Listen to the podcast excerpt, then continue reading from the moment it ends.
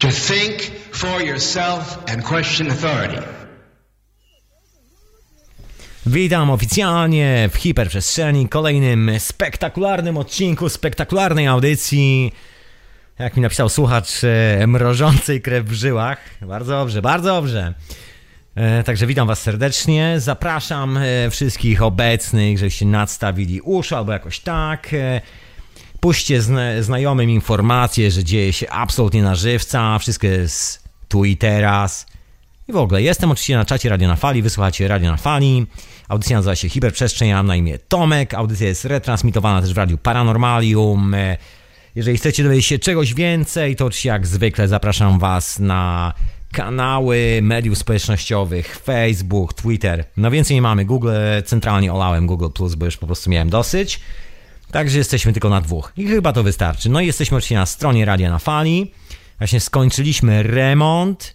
A o tym może za sekundę, na początek może po prostu podziękuję wszystkim mecenasom. Także mecenasi Radia na Fali, peace and love, wielkie dzięki.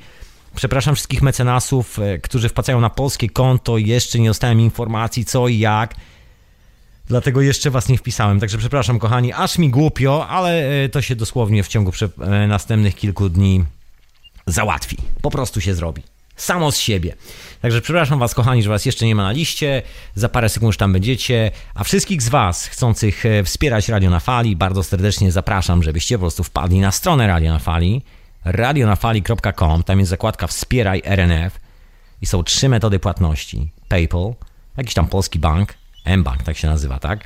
No i Bitcoin oczywiście. Także jeżeli chcecie wspomóc radio, to już wiecie jak. Tadam!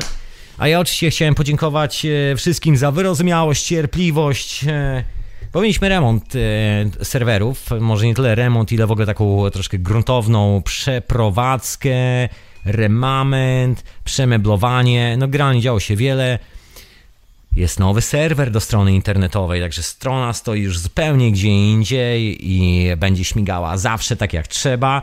Nie będziesz pewnych problemów, które zawsze, no może nie zawsze, czasami z nią występowały.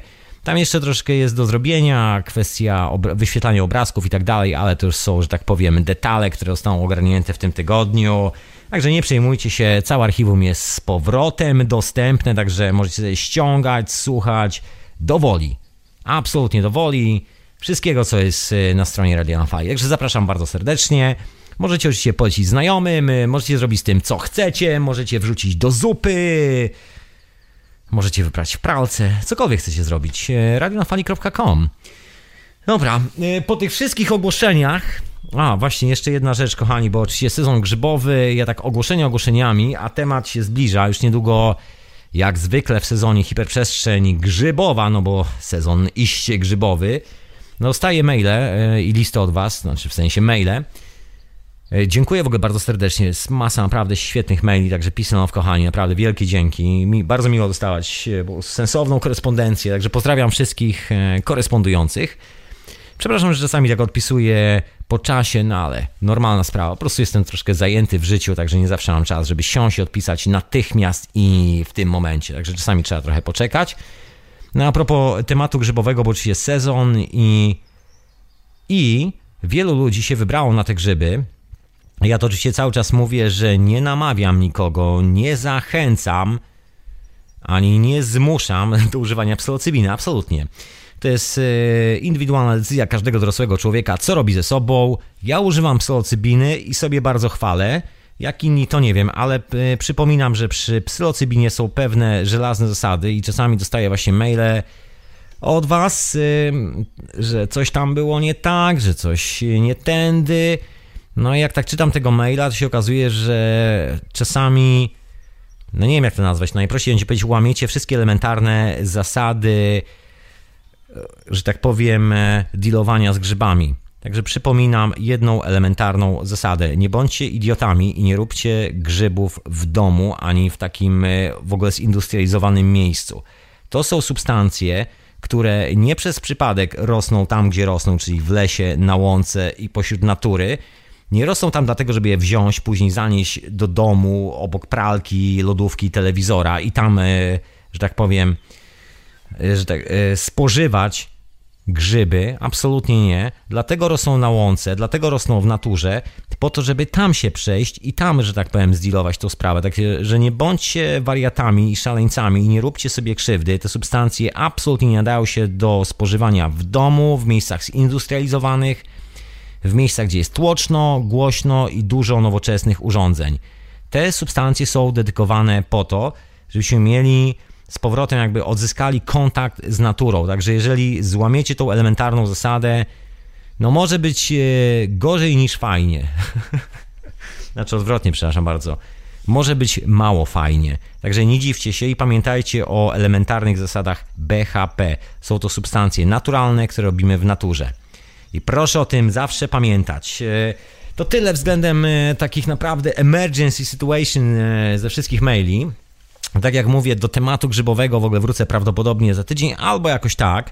No już niedługo, nie, nie mam jeszcze na to jakiegoś specjalnego planu, ale w przeciągu najbliższego miesiąca na pewno siądę i się zbiorę do tego, także na pewno coś Wam opowiem na ten temat, bo jest trochę badań naukowych na temat psylocybiny związanych z leczeniem ludzi z raka, z leczeniem ludzi z depresji, z leczeniem e, PTSD, czyli Post Traumatic Stress Disorder, czyli stresu pourazowego po polsku. Także jest masa dodatkowych informacji, które aktualnie powoli się pojawiają, po prostu wyniki badań, także będę chciał to przytulić i trochę Wam wrzucić tych wszystkich informacji, ale to za jakiś czas. E, przy okazji zapraszam Was, żebyście wpadli na stronę Radia na Fali oprócz tego, tak jak normalnie wpadacie, na przykład zasponsorować, jak chcecie wysłać złote zęby babci i te banknoty, które znaleźliście w Panu Tadeuszu do radia. Mogą być te z Sienkiewicza, też przyjmujemy i z Trylogii też przyjmujemy. Każdy z... E, Wszystkie banknoty przyjmujemy. Im więcej, tym lepiej. E, to oczywiście poza tymi wszystkimi historiami są banery na stronie Radia na Fali. E, Baner do fraktalna.pl. Tomek Gruba i cała ta historia związana z konwentem wiedzy alternatywnej, a że Tomek robi nie tylko konwent razem z Basią, robił kilka innych rzeczy, e, to przypominam, że są warsztaty, moi drodzy, są warsztaty. Jest, słuchajcie, jest warsztat świadomego śnienia w Londynie. No i generalnie zapraszam, żebyście sobie wpadli y, na tą stronę, zobaczyli co i jak 18 października, jeżeli ktoś z Was mieszka tu w Anglii, w Londynie albo gdzieś w okolicy i ma ochotę wpaść i zobaczyć co i jak, to zapraszam bardzo serdecznie. Wszelkie informacje są oczywiście na stronie fraktalna.pl, także ogarnijcie się sami bez żadnych problemów. Ja Wam tutaj nie muszę niczego mówić na ten temat. I tyle, także przypominam, że jest fajna impreza. A oprócz tego, że Tomek e, i Basier był e, robił takie warsztaty, to oprócz tego pojawił się nowy dział w Radiu na Fali i ten nowy dział to oczywiście konwent wiedzy alternatywnej i powoli razem z Tomkiem nam rzucamy wszelkie możliwe materiały z konwentów, bo to nie tylko jeden konwent, ale już właściwie konwenty, bo ta historia trwa od, 2000, od 2012 roku, także już e, troszeczkę za nami i tych materiałów jest trochę. Na razie wrzucamy te najbardziej stare archiwalne, no plus kilka jakichś tam świeżych rzeczy, ale generalnie luzujemy archiwa. Także będzie się tego pojawiało troszeczkę. Jeżeli jesteście zainteresowani, to już myślę, że całkiem sporo, jak na sam początek, jest na stronie Radia na Fali z konwentu materiałów. Także co jeszcze chciałem powiedzieć? A właśnie, chciałem Wam przypomnieć, że jakby co, bo część tych materiałów jest po prostu wideo że możecie wpaść na nasze konto na YouTubie. Oczywiście link jest na stronie Radia na Fali i tam sobie elegancko sprawdzić co i jak i sobie przede wszystkim obejrzeć, bo te materiały wideo to są prelekcje wideo, oczywiście, gdzie są różne rysunki, różne takie rzeczy, o których czasami ciężko opowiedzieć tylko i wyłącznie dźwiękowo. Także zapraszam bardzo serdecznie. Archiwum się tam powiększa, powiększa, powiększa, niedługo będzie coraz większe. Także miłej zabawy i miłego słuchania, miłych refleksji. Tyle. E, I co dzisiaj, moi drodzy? Co dzisiaj po tych wszystkich ogłoszeniach, po tych wszystkich historiach, e, po tym, co się ostatnio działo ze stroną Radia na Fali, mieliśmy masę roboty, także dzisiaj, dzisiaj wreszcie z powrotem, z powrotem. No i co dzisiaj w hiperprzestrzeni, moi drodzy? Dzisiaj w hiperprzestrzeni chcę wrzucić na ruszta temat tajemniczej ziemskiej energii. W ogóle bardzo ciekawa sprawa, o której już mówiłem jakiś czas temu, jeżeli słuchacie hiperprzestrzeni od nie wiadomo kiedy, od początku świata to na pewno pamiętacie odcinek o liniach e, energetycznych, geomagnetycznych i tych wszystkich tajemniczych sprawach, ley lines i tak dalej. Także dzisiaj chcę rozwinąć troszkę ten temat, bo, bo już czas najwyższy, że tak powiem, e, wrzucić trochę więcej, a jest to bardzo intrygująca sprawa. Myślę, że taka w ogóle ciekawa, bo jest taka legenda, że w Polsce jest takie tajemnicze miejsce i nazywa się Wawel albo jakoś tak. Tam różni ludzie podają różne rzeczy, niektórzy podają Babią Górę, niektórzy podają inne miejsca, mówiąc, że są takie specjalne miejsca, tak zwane po angielsku, to tłumacząc angielskiego właściwie byłoby to jakieś e, kardynalne miejsce, tak można to powiedzieć, takie główne, gdzie energia się przecina. Ja tak siadłem jakiś czas temu, było to lata temu i zacząłem sobie to sprawdzać. No i okazało się, że oczywiście, no fajnie, bo jakby były takie miejsca w Polsce, ale takich miejsc w Polsce nie ma. No oczywiście krążą legendy, słuchy, ale to jak zwykle w takich sytuacjach każdy chciałby mieć u siebie takie miejsce i każdy chciałby być taki, że tak powiem, nadmuchany, taki, że to właśnie u niego jest to najważniejsze miejsce, w którym dzieją się te magiczne cuda.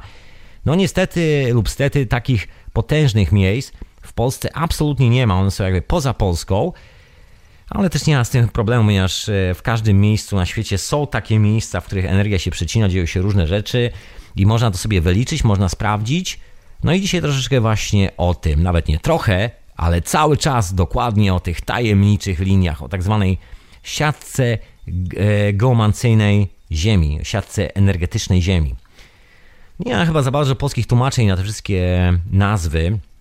Inna sprawa, że temat e, jeżeli chodzi o takie poważniejsze opracowanie, jest stosunkowo świeży, bo właściwie od lat 60., lat 70. dopiero jest w jakiejś takiej domenie publicznej. Ludzie biegają z licznikami, sprawdzają te miejsca i patrzą, co tam się w ogóle dzieje. No i inna sprawa, że w ogóle historia jest oczywiście o wiele starsza, jak to każda historia, ma swoje o wiele, o wiele, o wiele głębsze korzenie. No. No i właśnie o tym dzisiaj będzie. Dokładnie. To zanim w ogóle zacznę to wszystko, to jak zwykle na sam początek Muzyczka, moi drodzy. To co? Zaczynamy od muzyczki. A wysłuchacie hiperprzestrzeni w radiu na fali, a ja mam na imię Tomek, a właśnie Skype do radia. Jak się rozgadałem, kurczę, zapomniałem jak to jest przez ten e, remont nadajników. E, Skype do radia, jeżeli chcecie zadzwonić, bo wszystko dzieje się absolutnie live. To jest oczywiście radionafali.com, także zapraszam, jeżeli macie jakieś refleksje, jakieś informacje o tajemniczych miejscach, choćby w Polsce, bo ja oczywiście powiedziałem, że tych e, głównych, kardynalnych punktów w Polsce nie ma, ale są pośrednie punkty. Także jak macie jakieś informacje, jakieś newsy, to śmiało dzwońcie do Radia na Fali. Ja tu będę odbierał i będę was wypytywał o te wszystkie rzeczy i w ogóle jestem ciekawy waszych refleksji. A, wysyłacie oczywiście Radia na Fali, a ja na imię Tomek, audycja nazywa się Hiperprzestrzeń, e, jest też retransmitowana w Radiu Paranormalium. Właśnie, zapomniałem e, przypomnieć, właśnie nie wiem czy przypomnieć, bo pewnie wszyscy doskonale wiedzą, że jestem też na czacie Radio na Fali. Możecie wejść oczywiście przez stronę radionafali.com. Ja tam jak zwykle zwyczajem cyklopa jednym okiem zaglądam i tak, z, e, i tak się, że tak powiem, przyglądam. E, ale jestem na tym czacie, jestem. Oczywiście, że jestem. No właśnie, wchodząc do naszego tematu, naszego dziarskiego tematu o tajemniczych energetycznych liniach, nie jest to do końca tylko i wyłącznie kwestia jakichś tak zwanych tajemnic, tajemniczych linii. Jest to bardzo ciekawa sprawa związana, przynajmniej tak mi się wydaje, dosyć kompleksowo z pewną sprawą, o której wiele ptaszków ćwierka, w cudzysłowie. E, mianowicie chodzi o starożytną cywilizację, o ten mit starożytnej globalnej cywilizacji, ludzi, którzy zbudowali piramidy, wszystkie te hece związane z, z budynkami, właściwie konstrukcjami neolitycznymi, znajdowanymi praktycznie wszędzie na świecie. Nie ma takiego miejsca na świecie, gdzie nie byłoby jakichś konstrukcji neolitycznych. No, nawet w Holandii, słuchajcie, gdzie oczyszczano, jakby obniżano poziom wody na tych sztucznie robionych folderach, okazywało się, że nagle znajduje się gigantyczne kamienie, jakieś takie centra kamienne, dziwne miejsca, właściwie którego przeznaczenia których właściwie przeznaczenia nikt za bardzo nie jest w stanie określić. Nikt właściwie nie wie, czemu to służyło, o co w tym wszystkim chodziło. Wiemy tylko jedno na 100%, że jest to jakaś gigantyczna cywilizacja, która funkcjonowała tysiące, tysiące lat temu. Takie pierwsze szacunki, znaczy pierwsze szacunki mówią o 12 tysiącach lat do tyłu. Kolejne szacunki cofają to troszeczkę do 36 tysięcy lat do tyłu. No jest kilka pomysłów na to. E, z którego okresu to wszystko pochodzi, no to podejrzewam, że i tak e, nie będziemy w stanie dzisiaj podczas tej audycji określić ani zdefiniować e, właściwego punktu historii, w którym to się wszystko wydarzyło. Na pewno wiemy, że wydarzyło się to dawniej niż 12 tysięcy lat temu. I może przy tym po prostu zostańmy. Są to bardzo specyficzne budynki i wszystkie, znaczy, czemu są specyficzne? Bo fenomen tych konstrukcji polega na tym, właściwie nie wiem nawet czy budynków, konstrukcji to chyba najlepsze określenie, polega na tym, że wszystkie są bardzo do siebie podobne. Jakby reprezentują pewien ten sam zestaw cech, są bardzo podobnie usytuowane. Właściwie gdyby potraktować to w ten sposób, że ktoś musiał to zaprojektować, no bo ktoś musiał to zaprojektować, to można się pokusić się o taką refleksję, że był to ten sam człowiek, e, a jeżeli nie ten sam człowiek, to właściwie grupa ludzi myślących bardzo podobnie i mających bardzo podobny pomysł na rzeczywistość. Bo wszystkie te budynki mają bardzo specyficzne cechy. Tymi cechami jest orientacja na gwiazdy, czyli orientacja astronomiczna, o czym bardzo wielu z nas doskonale wie. Są wszystkie te historie związane z tym, że na przykład te szafty, które są w piramidzie w Gizie są tak wycięte, że w specjalnym momencie roku pokazują konkretne miejsca na niebie, są ukierunkowane w konkretne punkty. Podobnie jest z piramidami w Ameryce Południowej, w Ameryce Środkowej, podobnie jest z piramidami w Chinach.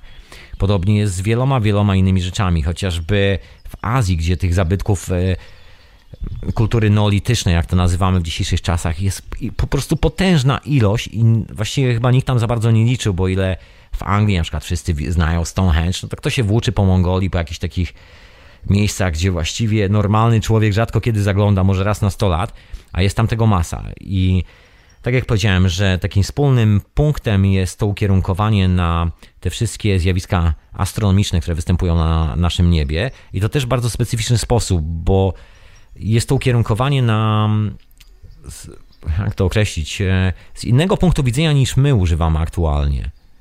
Jest to właściwie e, założenie, że Ziemia jest centrum i że Ziemia właściwie odbiera energię z kosmosu w ten sposób. Tak można by to najprościej chyba wytłumaczyć. Ja tu nie chcę za bardzo motać, bo jest sobota, wieczór. Jest czas na troszkę imprezę. Przecież nie będę tutaj cytował numerów i bardzo poważnych jakichś rozważań numerycznych. No ale generalnie pomysł był taki, że wszystko jest obserwowane z Ziemi, a nie z kosmosu. I na tym się zasadza cała e, cała specyfika tych budynków, że są tak poustawiane. I wszystkie te budynki, gdziekolwiek by się nie pojechało, łącznie z Japonią, są dokładnie tak samo poustawiane, albo bardzo podobnie a właściwie może nie tyle bardzo podobnie, ile co najwyżej na troszkę inne gwiazdy przesunięte, bo ciągle mówimy o tej samej historii, która się właściwie nigdy nie zmieniła. Dziwny kształt, dziwny kształt e, tych budynków. Do tego jeszcze dochodzą e, no, różne historie związane z tymi budynkami, chociażby w Ameryce Południowej, gdzie e, jakby cała ta strefa duchowa, kulturowa dookoła tych budynków do dzisiaj funkcjonuje. Co nie tylko w Ameryce Południowej, bo to właściwie jest bardzo wielu miejscach, tak jak wspomniałem, w Azji, w Europie też w kilku miejscach. Te budynki mają przypisane pewne, znaczy budynki, te konstrukcje mają przypisane pewne specyficzne cechy, pewne specyficzne moce. Mm, dosyć popularna historia we Francji, gdzie jest ten potężny kamienny zabytek neolityczny. E, na południu Francji takie potężne pola, przez które, że tak powiem, przechodzą takie gigantyczne melchiry, po prostu nie ile ich tam jest, setka, stoparek, cholera wie ile. Musiałbym sprawdzić, ale generalnie dużo ich jest i jest taki specjalny kamień, że jak kobieta jest bezpłodna, to musi podejść w odpowiednią noc, najlepiej księżycową, taką, gdzie jest pełnia, no i się przytulić do tego kamyka i być może z powrotem będzie płodna i pojawią się dzieci. Chodzi o oczywiście zdolności lecznicze i wiele spraw z tym związanych. Generalnie na pewno słyszeliście wiele historii o, i opowieści o kamiennych kręgach, o tym, że reprezentują dziwne moce, że ludzie się tam leczą albo doznają różnych dziwnych objawień. No w ogóle masa historii z tym związana. Przede wszystkim jest to związane głównie, i to wszędzie na świecie to jest taka kolejna rzecz, która jest e, tożsama właściwie w każdej kulturze, to jest e, zjawisko kultu płodności, który jest automatycznie i z reguły zawsze przypisywany tym wszystkim neolitycznym zabytkom. W Ameryce Południowej e, do dzisiaj odprawia się pielgrzymki do tych e, kilku neolitycznych miejsc, czy to jest Peru, czy to jest Chile, czy to jest Ameryka Środkowa. Cały czas do dzisiaj tam składa ofiary i generalnie wyciąga tą moc z ziemi, która ma poprawić nasze życie i spowodować, że będziemy czuli się lepiej i że wszystko będzie żyło o wiele zdrowiej, o wiele dłużej i o wiele bardziej przyjemniej, tak zwyczajnie mówiąc. No nie przez przypadek ten kult podności, bo dookoła tych neolitycznych zabytków występują bardzo dziwne zjawiska, e, które no, normalna nauka nie jest w stanie za bardzo wyjaśnić, e, a może nawet po prostu nie chce najzwyczajniej w świecie. No mianowicie kwestia wegetacji roślin. Bardzo charakterystyczna rzecz. Dookoła wszystkich tych zabytków rośliny rosną w niesamowity sposób. Po prostu rosną jak dzikie. Rosną lepiej niż rośliny, które są obok i nie mają kontaktu z tymi, e, z tymi kamieniami lub cokolwiek to jest. Sam zresztą odwiedzałem kilka takich miejsc. Jest takie bardzo intrygujące miejsce w Dublinie. E, to jest taki cypel, który nazywa się Holt i tam jest taki stary dolmen, bo tak się nazywają właściwie te konstrukcje najczęściej. To są właśnie dolmeny. Czyli co to jest właściwie dolmen? To może zacznę od tego.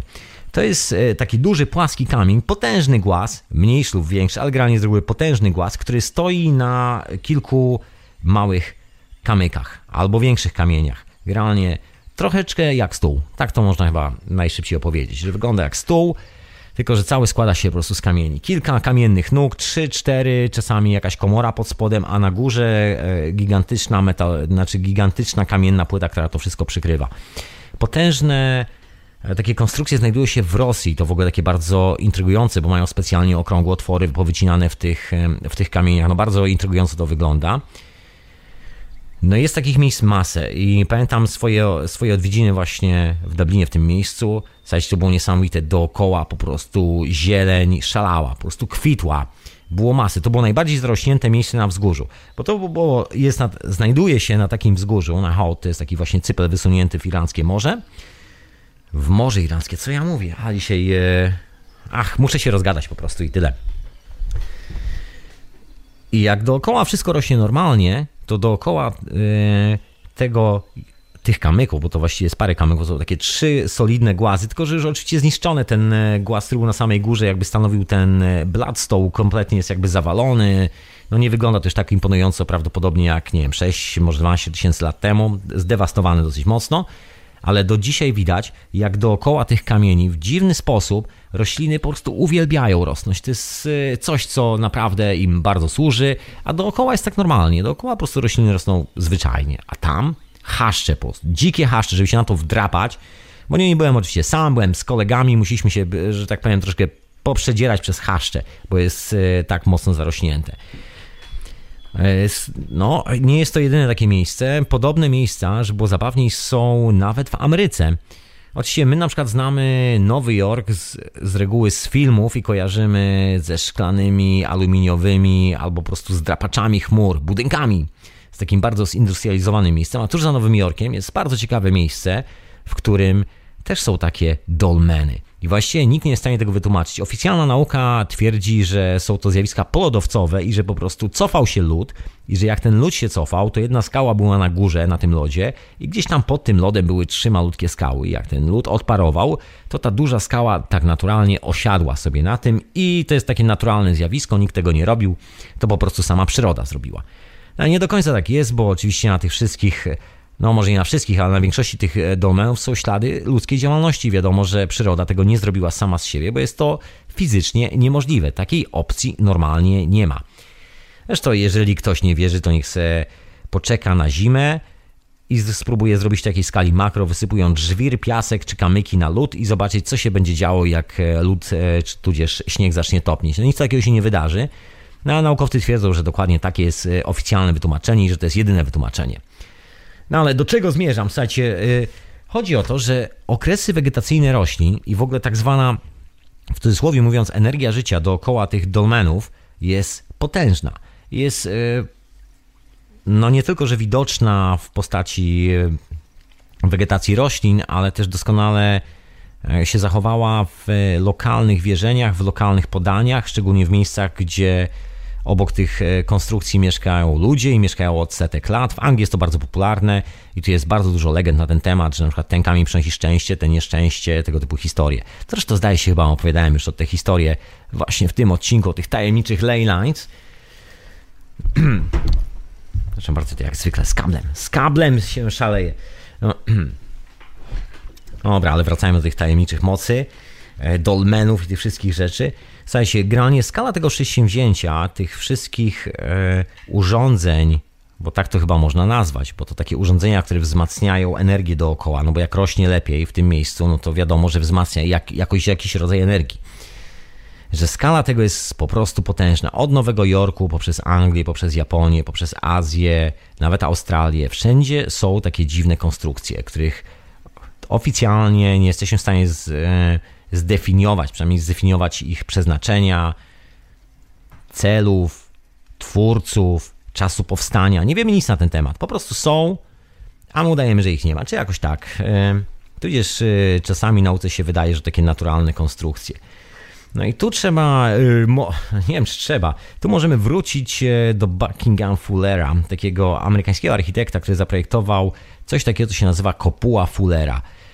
To jest taka konstrukcja, która jest oparta na trójkącie, że z małych trójkącików buduje się, przyklejając jeden do drugiego, buduje się kopułę. I okazuje się, że kopuła zbudowana w ten sposób jest nieprzeciętnie wytrzymała. Te wszystkie kopuły do radarów, które czasami widzicie, jak jedziecie gdzieś obok jakichś militarnych, wojskowych konstrukcji albo obok jakiegoś lotniska, takie dosyć specyficzne, takie okrągła kopuła, ale z takich kanciastych trójkątnych elementów, to są właśnie kopuły konstrukcji Buckingham Fullera, Buckiego Fullera, jak mawiali jego znajomi. No i o co z tym wszystkim chodzi? Co tu jest, y, co tu jest takiego tajemniczego? No bo tak, mamy starożytną cywilizację, która stawiała te dziwne konstrukcje wszędzie, gdzie się dało. Część z tych konstrukcji do tej pory emanuje jakimiś, y, jakimiś dziwnymi energiami, jest używana do celów leczniczych, tak jak właśnie wspomniałem w Ameryce Południowej, jest traktowano jako takie centra nie wiem, kultu płodności, kultu powodzenia, wzrostu, granie, żeby się dobrze działo. I o co w tym wszystkim chodzi? Jest jeszcze jedna taka rzecz, o której dzisiaj zamierzam wspomnieć, bo jest też dosyć mocno z tym związana. W 1981 roku sonda Cassini, mijając planetę Saturn, zrobiła zdjęcie północnego bieguna, północnego pola Saturna. I okazało się, że chmury uformowały się w kształt heksagonalny. To wygląda bardzo podobnie do loga radia na fali, anyway. I po latach, kiedy kolejna sonda przeleciała obok Saturna, okazało się, że dalej to tam jest że to się w ogóle nie zmienia. Oczywiście na południowym e, biegunie Saturna tego, tego zjawiska w ogóle nie ma, tylko na północnym. I fenomen polega na tym, że kiedy weźmiemy te wszystkie konstrukcje, te największe konstrukcje, które me me megalityczne, które są na tej planecie i zaczniemy sobie je łączyć liniami, przypuśćmy, że mamy globus. Jeżeli macie globus, to weźcie sobie globus e, i zacznijcie zaznaczać te miejsca, gdzie są te tajemnicze konstrukcje i łączyć liniami i okazuje się, że występuje tutaj bardzo dziwna prawidłowość. Ta prawidłowość nie jest tak e, oficjalnie traktowana jako, jako coś naukowego, a to z dosyć prostego powodu, ponieważ w dzisiejszych czasach żyjemy w troszeczkę innej, innej rzeczywistości. Na tyle innej, że na przykład nasz, e, nasze centrum świata, nasz biegun świata, tudzież kierunki geograficzne, sposób w jaki wyliczamy sobie wszystkie te długości i szerokości, są zupełnie inne niż szerokości i długości geograficzne, które były wyliczane przez starożytnych. Takim najlepszym przykładem jest piramida w Gizie. Normalnie jako centrum wszechświata, czego no, w cudzysłowie wszechświata, jako centrum Ziemi, takie od którego wyliczamy wszystkie te, że tak powiem, wartości kątowe, minutowe, czyli cały obwód Ziemi, ile czasu nam zajmie, strefy czasowe i podróżowanie no wiecie o co chodzi. Strefy czasowej, podróżowanie dookoła planety, jak długa, jak wysoka i jak to wszystko liczyć i mierzyć, znajduje się w Greenwich. To jest tak zwany południk zerowy. No ale w rzeczywistości takie centrum geograficzne planety Ziemia znajduje się zupełnie gdzie indziej. Znajduje się w Gizie. Dokładnie w tym miejscu stoi piramida w Gizie. To jest właściwie, gdyby tak pomierzyć całą planetę, jest dokładnie takim, e, że tak powiem, centrum e, naszego świata, przynajmniej tej planety, po której chodzimy. No i to jest ta zupełnie inna geometria, zupełnie inny sposób wyliczania tego, w którym miejscu się znajdują rzeczy na planecie Ziemia i tak dalej, i tak dalej. Także w ogóle trzeba było wszystko liczyć z zupełnie innej strony, bo jeżeli użyjemy naszych współczesnych metod e, wyliczania i porównywania tych wszystkich miejsc długości, szerokości geograficznych, właściwie nic z tego nie wynika. Natomiast kiedy wrócimy do tego starożytnego konceptu, gdzie centrum naszej planety geograficznym jest piramida w Gizi, to jest tak zwane zero w pionie poziomie, tak można to w cudzysłowie powiedzieć, i zaczniemy łączyć z tymi dziwnymi konstrukcjami neolitycznymi, to okazuje się, że zachodzą pewne bardzo specyficzne prawidłowości. Dlaczego wspomniałem o tej starożytnej, zaginionej cywilizacji? Ponieważ fenomen tych wszystkich konstrukcji polega na tym, że oprócz tego, że są zorientowane, tak jak wcześniej wspomniałem, na gwiazdy w ten sam sposób, to oprócz tego, to oprócz tego są ustawione w bardzo specyficznych liniach. Niektórzy nazywają to linie Gai Ziemi, znaczy Gaia to po prostu Ziemia. linie energetyczne Ziemi. No jest kilka nazw. W Anglii jest to znane pod nazwą ley lines, w Azji jest to znane jako linie smoka czy drogi smoka. No jest masę, masę różnych innych określeń na to. Chodzi o tak zwane linie energetyczne, mówiąc w bardzo wielkim skrócie. No jeżeli zaczniemy to wszystko łączyć, nagle pojawia nam się jakiś taki dziwny pattern i zupełnie nieprzypadkowy, bo wygląda na coś, co ma sens, ręce i nogi. Nie jest to jakaś szalona linia, tylko wszystko idealnie do siebie pasuje. Wszystkie proporcje się zgadzają, wszystkie odległości się duplikują, wszystkie odległości się powielają. Jakby mamy do czynienia z czymś, co wygląda na bardzo zaawansowany język matematyczno-astronomiczny, właśnie tak chyba moglibyśmy to powiedzieć. I to właśnie wyliczając od centrum Ziemi, które znajduje się w Gizie. Od, no bo czym jest właściwie Ziemia?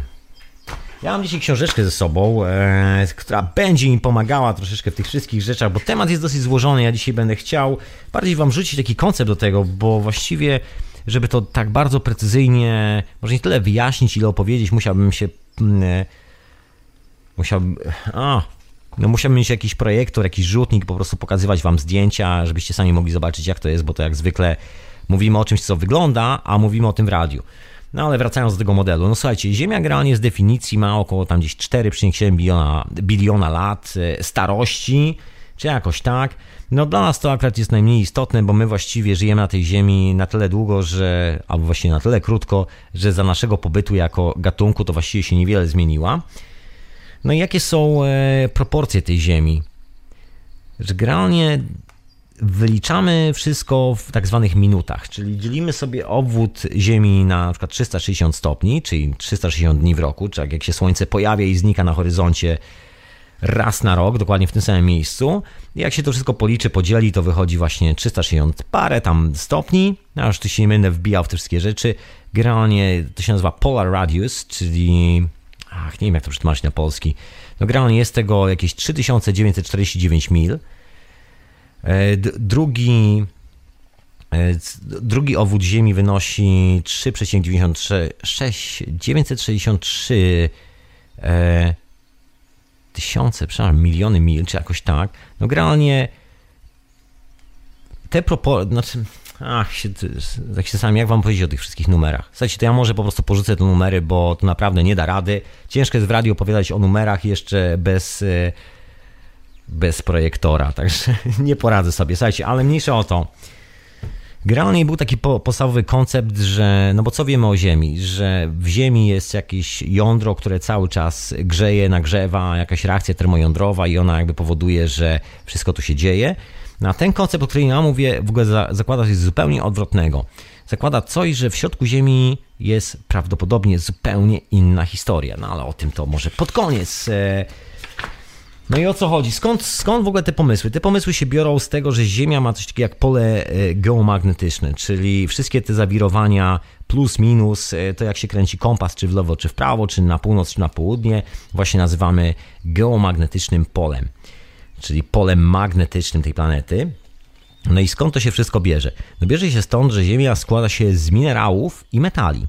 No i zawartość tych minerałów i metali w glebie powoduje, że e, ten materiał staje się doskonałym kondensatorem dla tej kosmicznej energii, która opływa tą naszą całą planetę. I są miejsca, gdzie oczywiście tego metalu jest trochę więcej, i są miejsca, gdzie tego metalu i minerałów jest trochę mniej. Dokładnie tak samo wygląda z wodą, bo oprócz tego, że są właśnie te wszystkie związki w, w Ziemi, no to jest jeszcze woda.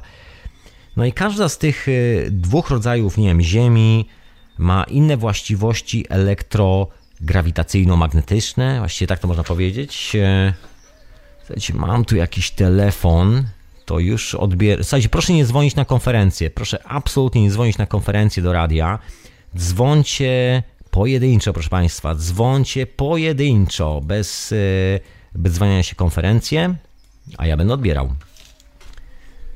Okej. Okay. Lekkie zamieszanie. Tak to jest po długiej przerwie wrócić do nadawania. Trochę jak zwykle zamieszania. Słuchajcie, kochani, proszę naprawdę nie dzwonić na, na konferencję. Jeżeli dzwonicie, to klikajcie radionafali.com i dzwońcie tylko i wyłącznie radionafali.com bez żadnych konferencji, proszę Państwa. Pojedynczo, tylko tak jestem w stanie Was technicznie po prostu odebrać. No dobra, lecę dalej z tą opowieścią. No i o co chodzi z tą Ziemią i z właściwościami elektromagnetycznymi Ziemi? Tam, gdzie tego jest więcej, no to wiadomo, że te właściwości są o wiele wyższe, że ten magnetyzm jest o wiele większy i że przewodzenie prądu elektrycznego jest o wiele większe. Natomiast w miejscu, gdzie wody, tych wszystkich substancji, minerałów, metalu jest trochę mniej, no jest tego zdecydowanie mniej. No i chodzi o zjawisko, które występuje pomiędzy tymi polami. Tak pomiędzy. Jeżeli macie kawałek e, czegoś suchego i kawałek czegoś mokrego, to rzeczy, które się dzieją na styku, wywołują bardzo dziwne zjawiska. Bardzo dziwne. Nikt właściwie do końca nie wie, co to jest. No nazywa się to. E, Zaraz poszukam polskiego tłumaczenia, oczywiście jak zwykle, prądy teluryczne po polsku. Czyli takie drobne ładunki elektryczne, które znajdują się w Ziemi. Definicja mówi, że są to prądy indukcyjne występujące w przewodzących warstwach skrupy ziemskiej, że powstają na skutek zmian ziemskiego pola magnetycznego, na przykład burz magnetycznych i tak dalej. Wszystkich tych historii, które się dzieją dookoła nas. No ale co z tego wynika? Co z tego wynika i co to ma wspólnego z tymi dolmenami? Co to ma wspólnego z tymi starożytnymi kulturami? To jest z jedną starożytną kulturą. O co w tym wszystkim chodzi? A wysłać oczywiście hiperprzestrzeni w radiu na fali, a Tomek. No i dzisiaj opowiadam wam o pewnych, tajemni- pewnych refleksjach związanych z czymś takim, co się nazywa liniami energetycznymi planety Ziemia.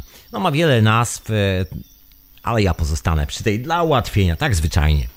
No, słuchajcie, ja to jak zwykle troszkę ogarniam te wszystkie sprawy, bo to się troszeczkę musiałem z... E, okej. Okay. Jesteśmy, jesteśmy. Czy jesteśmy? no chyba jesteśmy. Ula la, co tu się działo? E... Okej. Okay. Nie wiem, kochani, próbuję też jeszcze zrobić jedną rzecz, bo mi gdzieś tu las znikł z tego wszystkiego, z tego całego i próbuję to wszystko ogarnąć. Sorry moi drodzy za zamieszanie, ale po prostu dzisiaj jestem y, wstrząśnięty, niezmieszany, także czasami tak jest. Y, ale zaraz wracam do tej całej historii o tych tajemniczych energetycznych liniach, bo jest naprawdę fascynująca. Okej, okay, wszystko jest, wszystko jest gotowe. O, chaotyczna sobota, tak powinienem chyba nazwać ten odcinek. Mrożący krew w żyłach. Więc o co chodzi z tymi, e, z tymi w ogóle tajemniczymi mocami? Dlaczego wspomniałem w ogóle o Stonehenge? E, w zasadzie w 1862 roku zrobiono w Alpach taki eksperyment e, z użyciem magnesu, wszystkich takich dziwnych urządzeń, które były wtedy dostępne, żeby w ogóle sprawdzić o co chodzi. No i wtedy, wtedy właśnie odkryto coś takiego jak prądy teluryczne, czyli prądy, które zasuwają po skrupie ziemskiej. Są właściwie wszędzie, ale w pewnych miejscach jest więcej, a w pewnych miejscach jest ich mniej. No jest taki fenomen tych prądów, właściwie nikt nie wiedział o co z tym wszystkim chodzi. Do pewnego momentu, dopóki e, nie pojawiło się kilka różnych bardzo ciekawych teorii. Generalnie, słuchajcie, ten prąd teluryczny, ta tajemnicza energia, na, która jest bardzo mocno związana zaraz powiem dlaczego, z tymi wszystkimi centrami neolitycznymi, była używana jeszcze w 1859 roku, dokładnie do tych chyba zdaje się 1859 roku w Stanach Zjednoczonych, przy zasilaniu telegrafów. Ponieważ y, wcześniej konstruktorzy telegrafu po prostu traktowali Ziemię jako taką dodatkową baterię i sobie podciągali troszkę prąd do tych wszystkich urządzeń, telegrafów, właśnie w ten sposób, wykorzystując tak zwane prądy teluryczne, czyli ładunki elektryczne, które sobie to funkcjonują. No ale wróćmy do tej historii, bo ta historia zaczyna się troszeczkę wcześniej, jak zwykle. Okej, okay, mam już swoją książeczkę. Bo o tym wszystkim wspomniano troszeczkę wcześniej. Słuchajcie, był taki gentleman e, James Bruce, który przetłumaczył rzecz, która jest znana ludziom e, wierzącym, e, że tak powiem, spędzającym dużo czasu nad świętymi, w cudzysłowie, pismami. Jest to człowiek, który przetłumaczył The Book of Enoch. Tak to się nazywa, czyli Księga Enocha po polsku. Nie pamiętam, jak to się nazywało po polsku. Był to rok 1773 i tam była bardzo ciekawa rzecz. Ja mam tylko angielski kawałek, także mogę wam co najwyżej przeczytać po angielsku, bo polskiego tłumaczenia absolutnie nie mam tego. And I saw in those days. No chodzi o to, że zeszły anioły z nieba i pokazywały jakieś dziwne rzeczy, pokazywały jakieś linie. No generalnie tam szedł anioł z nieba, zapytał się człowieka... Yy... O man, nie, nie będę teraz tłumaczył. Gdzie jakiś mam, kompletna zamota. No ale generalnie w, e, w tej księdze Enocha jest wspomniane o tym, że jest coś takiego jak miejsca, w których lądują dziwne istoty, które tam są nazywane aniołami. Są takie specyficzne miejsca. No później po latach w 1920 roku, no troszkę wcześniej tam jest historia z Alfredem Watkinsem, z jego odkryciem ley lines w Anglii, o którym już opowiadałem, także nawet nie będę o tym wam przypominał, żeby nie opowiadać pięciu razy, pięć razy tego samego. No, generalnie są te tajemnicze właśnie linie w Anglii, na, które są, na których są ustawione te katedry, ley lines, jak to się nazywa. Później po nim e, w 1960 roku pojawił się John Mitchell, e, który sprawdził kilka z tych rzeczy miernikami, no i okazało się faktycznie, że w tych miejscach, które wskazał tam Alfred Watkins w latach 20. minionego stulecia, faktycznie coś jest i że są pewne korelacje jakby energetyczne, że jest to dosyć mocno wszystko powiązane ze sobą. Jak na ironię jest to powiązane oczywiście z konstrukcją e, skrupy ziemskiej. Dlaczego właśnie? Bo wspomniałem o Stonehenge. No i Stonehenge jest takim doskonałym przykładem e, pola geomagnetycznego Ziemi, ponieważ jest to miejsce, które jest w pewien sposób specyficzne, znaczy tam załamanie tych wszystkich pól magnetycznych troszeczkę wygląda jak takie skrzyżowanie plusa i minusa i dużo rzeczy się dzieje pomiędzy, czyli generalnie generuje dużo prądu elektrycznego, dużo różnych tajemniczych mocy. No my widzimy tylko prąd elektryczny, no ale... Yy, ale wiadomo, że jest troszeczkę więcej. Generalnie, jeżeli wbijemy miernik w ziemię, to na tym mierniku troszeczkę nam wyskoczy tego prądu elektrycznego. Nazwano to. No nazwano to po prostu polem e, geomagnetycznym, czyli właściwie elektrostatyczne, czyli teluryczna energia, tak to można nazwać. No tych miejsc na świecie jest parę. No oczywiście wszystkie, jak na ironię, okazuje się, że te, z reguły centra neolityczne są budowane dokładnie w takich miejscach. No i tu właśnie się pojawia historia z Alfredem Watkinsem, z tymi liniami Smoka, z Ley Lines, no i z tymi latami 60., gdzie okazało się, że odkryto kolejną e, taką linię w Anglii, którą nazwano St. E, Mitchell Line. E, ciągnie się od Averbury, Glastonbury chyba przez całą Anglię, aż prawie do Szkocji, jakoś tak. No jest tego trochę. Jeżeli mm, e, chce Wam się poczekać troszeczkę, to jak zwykle wszystkie te linki będą pod audycją w Radiu na Fali, także tam wszystkie te informacje precyzyjne, łącznie z numerami, mapami znajdziecie bez żadnych problemów. Generalnie e, Anglia nie jest taka, takim wyjątkowym miejscem, bo kolejnym takim miejscem jest na przykład Sankt Petersburg na przykład, do którego też ciągną kolejne takie linie na dokładnie nie wiem, tej samej przekątnej, można tak powiedzieć. Kolejne takie linie znajdują się w Boliwii, w Peru, znajdują się na wschodzie, znajdują się w Australii. Aborygeni w ogóle nazywają to e, lin, liniami pieśni.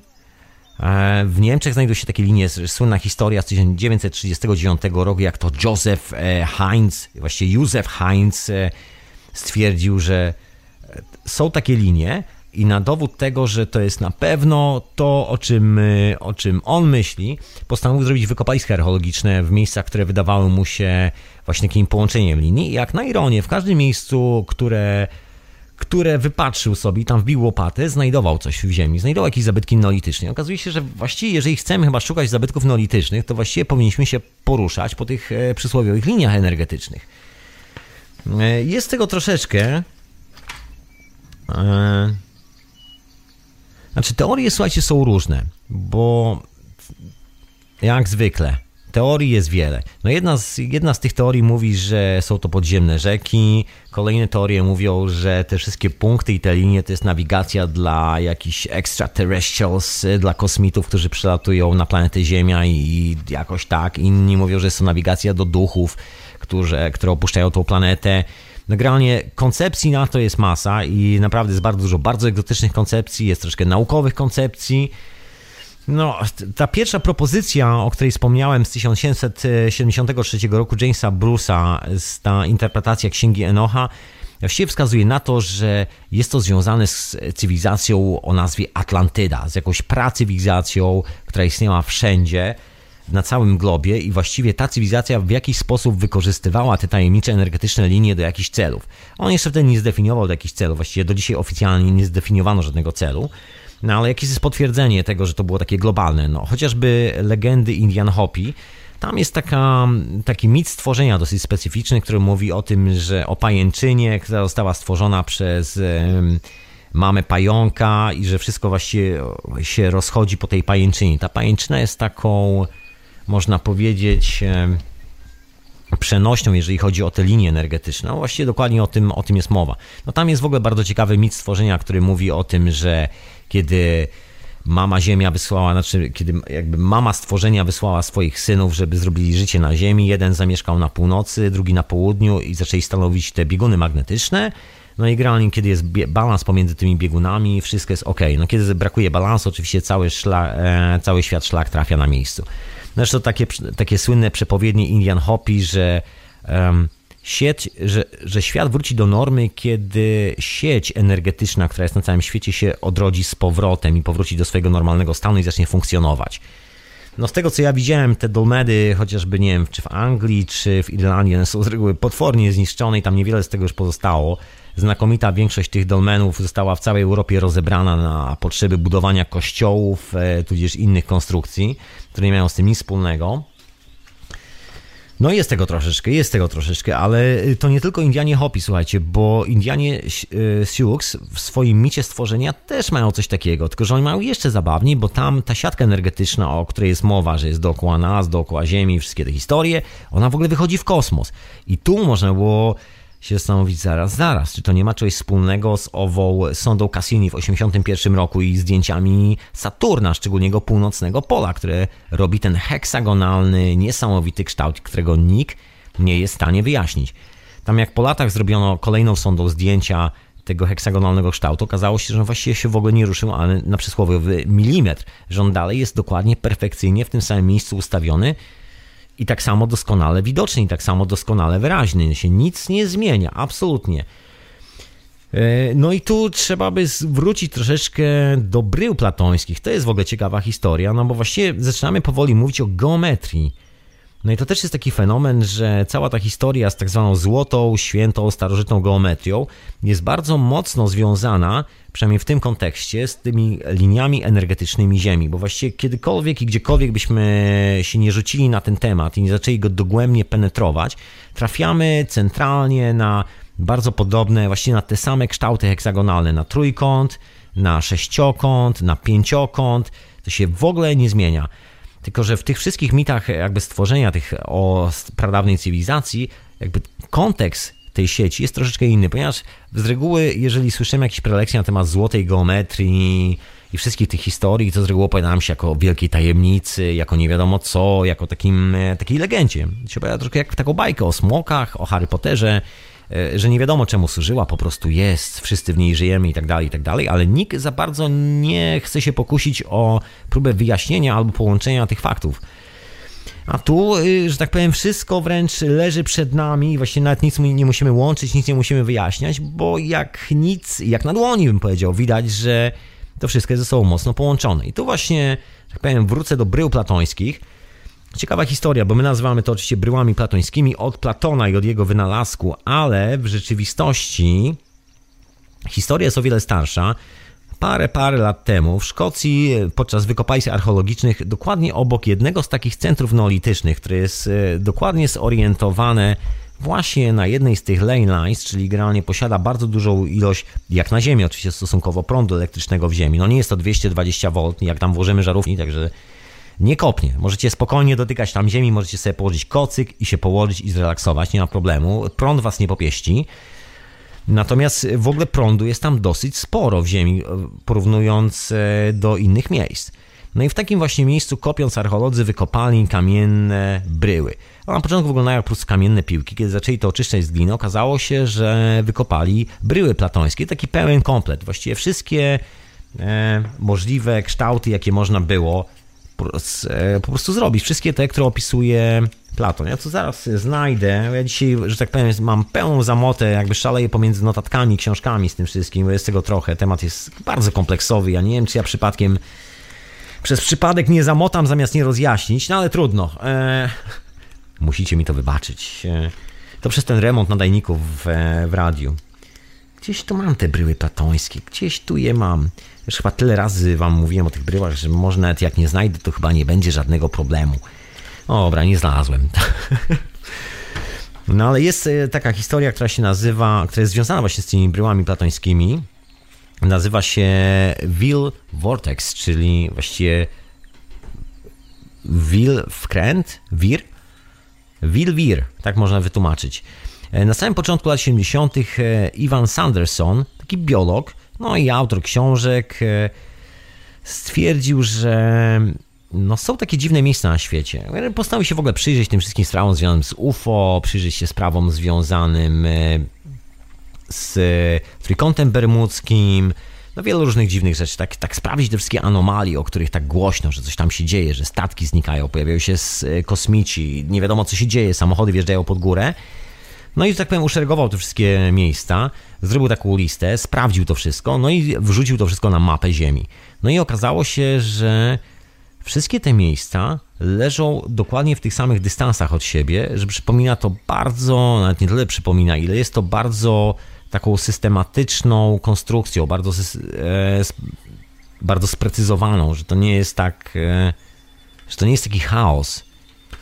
Wszystkie leżą dokładnie w tych samych odległościach od siebie i nie tylko. Bo tak, e, są dwa równiki, jest tak zwany Tropical, tropical Cancer i, i Capricorn, czyli jakby dwa, dwa te... Kurczę, ja zawsze zapominam polskich nazw przy takich rzeczach. To jest e, chyba moje przekleństwo aktualnie.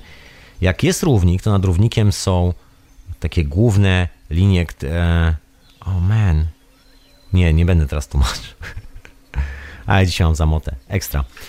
E, no generalnie, słuchajcie, muszę się posiłkować swoim angielskim, także nie będę tłumaczył na polski. Później wszystkie te informacje znajdziecie w linkach, także dacie sobie radę. No generalnie okazało się, że miejsca, w których występują anomalie, na przykład znajdują się w idealnym położeniu na tak zwanym tropical cancer, czyli tym równoleżniku, który leży na, wyżej nad równikiem. I zaczyna się to od Bahama, to są te słynne e, historie z... E, zaraz momencik, bo tu mi ktoś pisze, jak zwykle, z trójkątem bermudzkim który um, tak zwanym diabelskim trójkątem. No kolejny taki trójkąt w równym dystansie, jakby dookoła Ziemi licząc, znajduje się na Hawajach.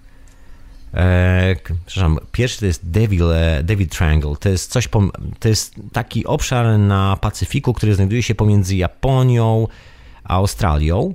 Tylko, że nad równikiem oczywiście. Kolejny znajduje się na Hawajach. Kolejny znajduje się E, na Bermudach, to jest właśnie ten trójkąt bermudzki. Kolejny znajduje się na Saharze, to jest też takie tajemnicze miejsce na Saharze, gdzie znikają samoloty, dzieją się dziwne rzeczy, zawsze się działy. E, kolejne takie miejsce znajduje się w Indiach i to jest taki moment, e, takie miejsce w Indiach, które właściwie pomiędzy Himalajami, a to już takim spokojniejszym miejscem. I to jest na samej górze. Jakby poniżej równika mamy odwrotność tego, jakby w drugą stronę. I to jest miejsce, które znajduje się tuż za Australią. Później jest przy Nowej Zelandii, takie miejsce, w którym obserwowano bardzo wiele zjawisk e, popularnie nazywanych niezidentyfikowanymi obiektami latającymi. Kolejne miejsce to jest e, Wyspa Wielkanocna. Kolejne miejsce to jest e, południowy Atlantyk i tam jest też takie przeklęte przez żeglarzy miejsce, gdzie statki toną, dzieją się dziwne rzeczy. No i kolejne miejsce to jest oczywiście Swaziland, Afryka, tak zwany Swaziland Triangle, czyli trójkąt Swaziland. No i kiedy sobie narysował to wszystko na mapie, to wyszło mu, że na, nad równikiem mamy raz, dwa, trzy, cztery, pięć takich punktów i pod równikiem mamy dokładnie raz, dwa, trzy, cztery, pięć takich punktów. No i kiedy to wszystko obrysował na globusie i połączył e, te punkty ze sobą, okazało się, że stanowią one idealne trójkąty. Jakby wyrysował sobie po prostu trójkąty. I kiedy się to wszystko połączy i się sprawdzi, to się okazuje, że właściwie Ziemia jest nieprzeciętnie symetryczna. Jakby te wszystkie miejsca, w których się pojawiają te anomalie, są bardzo symetryczne, że to nie jest jakieś takie przypadkowe, że na przykład tu jest oddalone o 2 km, a już następny jest od 7. Nie, nie, jak zawsze jest o 2 km dalej przesunięte. Zawsze jest ta sama proporcja, zawsze jest ten sam odstęp, to się nigdy nic nie zmienia. I to się nazywa e, Will Vortex.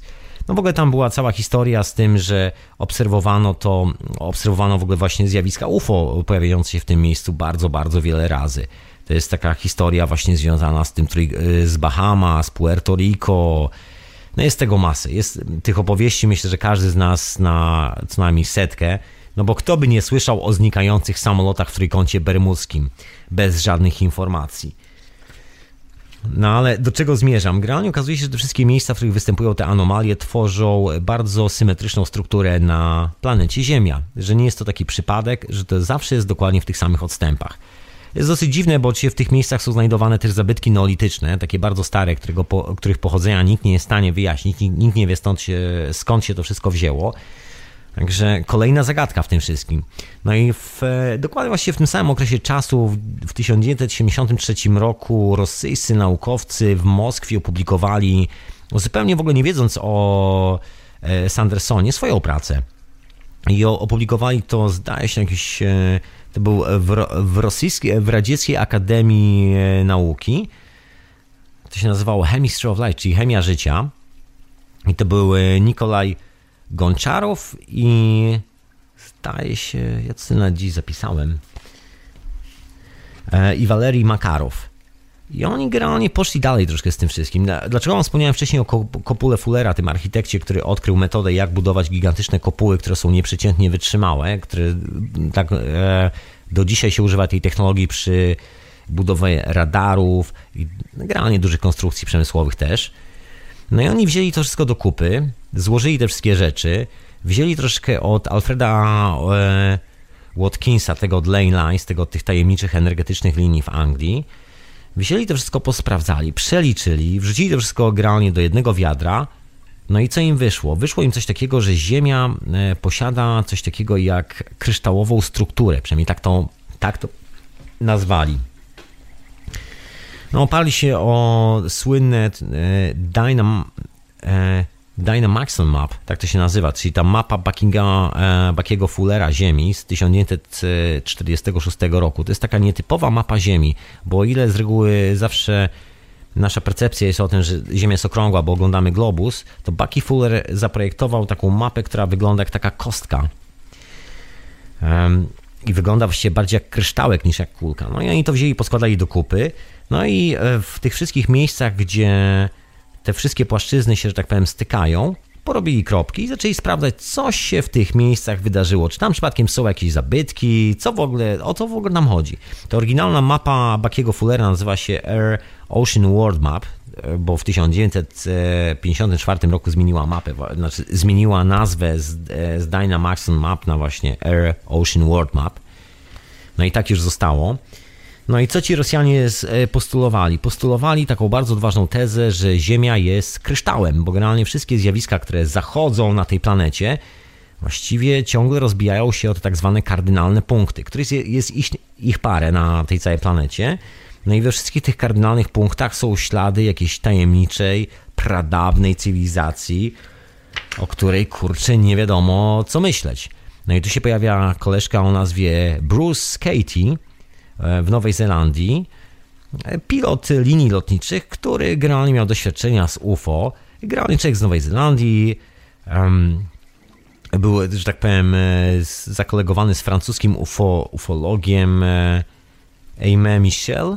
No i tak w ogóle sprawdzali troszkę te wszystkie rzeczy, szukali różnych takich właśnie niewyjaśnionych zjawisk, no i pewnego dnia znaleźli coś takiego, co tu muszę jak zwykle posłużyć notatkami, e, to wygląda jak drogowskaz, słuchajcie. Taki kawałek metalu z takimi skrzyżowaniem anteny z drogowskazem, który tam wyciągnęli, e, znaleźli na głębokości 13 tysięcy stóp, gdzieś tam w głębokim morzu, e, obok Cape Horn, przy Chile. Taki po prostu z metalu zrobiony kawałek, nie wygląda jak antena. No i postanowili to przeliczyć, sprawdzić te wszystkie kierunki, bo to wygląda troszkę tak, no właśnie jak drogowskaz. Kiedy zaczęli liczyć te wszystkie wartości kątowe, które na tym patyku były wyrysowane, tym właśnie metalowym patyku, kawałku, yy, kawałku druta, bo to taki. Czekajcie, jak wam to opisać? No, akurat dzisiaj, jak zwykle, sobie wybrałem temat, który właściwie bardziej powinien pokazywać niż opowiadać. Jest, y, wyobraźcie sobie drut, nie wiem, wysokości 50 cm. No i z tego drutu wystają druciki, tak? Pionowy drut poziome druciki, jak, jak stara antena telewizyjna, to chyba najlepsze porównanie. Tych drucików jest tam ileś tam, ich czasami wystaje dokładnie w jednym miejscu trzy, czasami wystają dwa, każdy pod, różny, pod różnymi kątami, jedne trochę bardziej w lewo, trochę bardziej w prawo, inne na krzyż. No i generalnie jak chłopaki zaczęli to analizować, to okazało się, że to coś, bo właściwie nie wiadomo co to jest, wskazuje na dokładnie te same proporcje, które zauważono przy studiowaniu e, tych dziwnych anomalii ziemskich. To, że te anomalie tworzą taką dosyć specyficzną mapę, która po zebraniu do kupy wygląda jak kawałek kryształu. No i się okazało, że być może, kurczę, kryształ jest, znaczy, że Ziemia jest kryształem, jak postulowali ci Rosjanie. No bardzo taka intrygująca sprawa w tym wszystkim.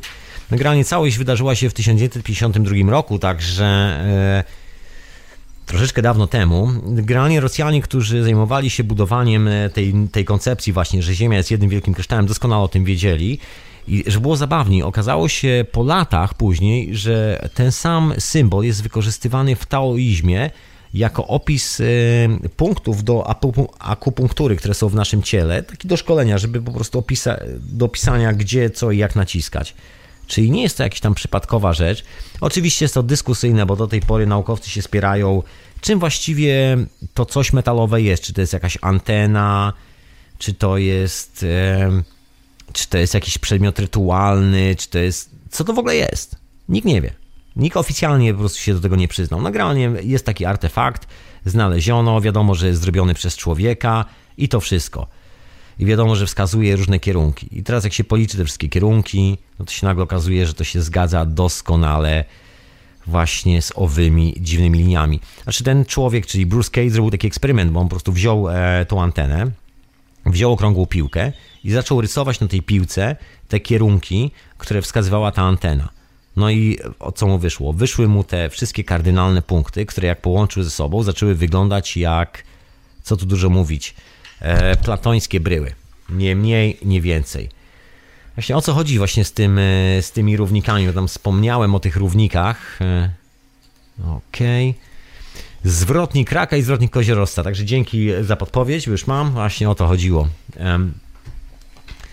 O co chodzi z tymi zwrotnikami? To jest też taka intrygująca sprawa, że właściwie jeżeli spojrzymy na Ziemię od tej strony, tak przypuśćmy en face, jakbyśmy powiedzieli, czyli prosto, i sobie wyrysujemy te wszystkie punkty i je połączymy, to mamy trójkąt, który się zwęża na dole i drugi trójkąt, który nachodzi na górze. Wygląda dokładnie jak gwiazda Dawida. Tylko, że to jest y, obiekt 3D, bo on się cały czas obraca. Jakby cała ta mapa Ziemi, o której mowa, wygląda dokładnie jak taka gigantyczna struktura zrobiona z trójkątów. No i tam oczywiście wyliczano, ile tych trójkątów ma być, jak, jak ma wyglądać ta mapa.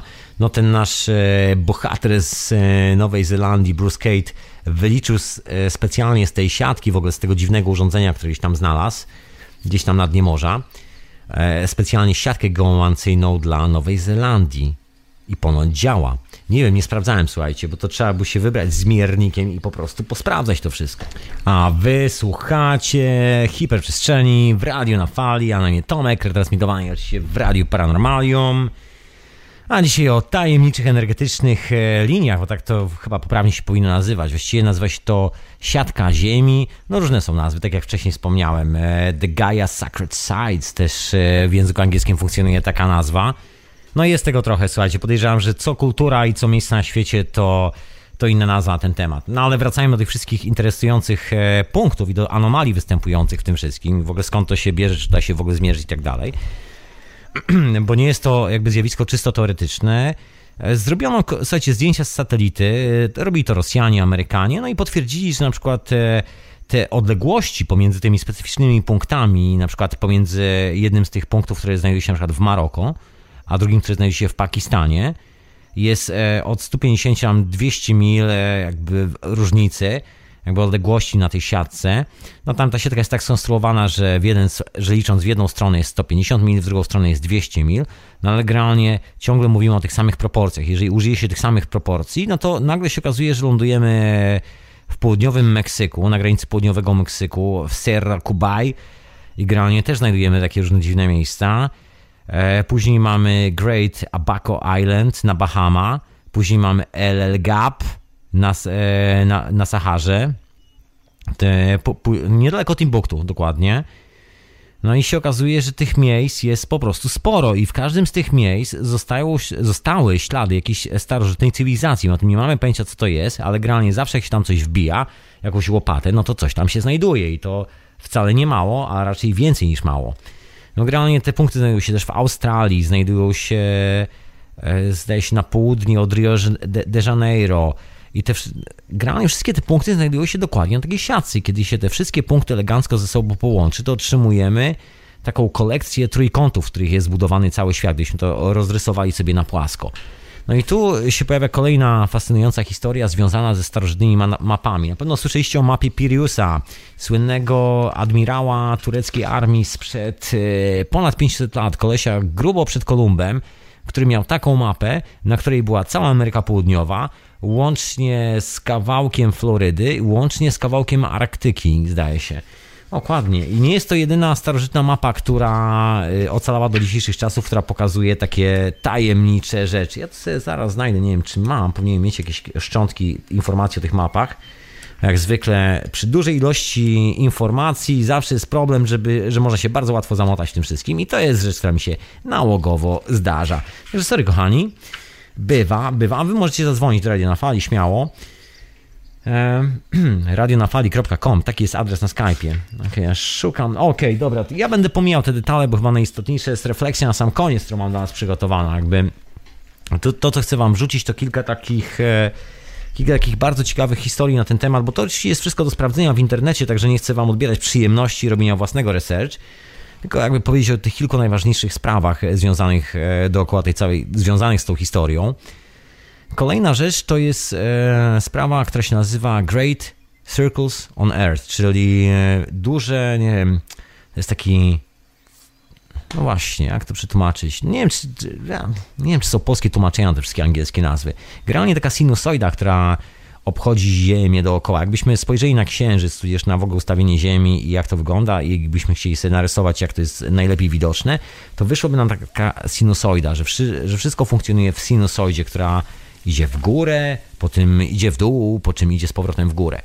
No i ta sinusoida też jest wyrysowana dokładnie na tych punktach kardynalnych, tych tajemniczych, energetycznych linii, które wyliczyli wszyscy ci e, naukowcy, wszyscy ci starożytni, które wynikają właśnie z tych tak zwanych brył platońskich i tak dalej.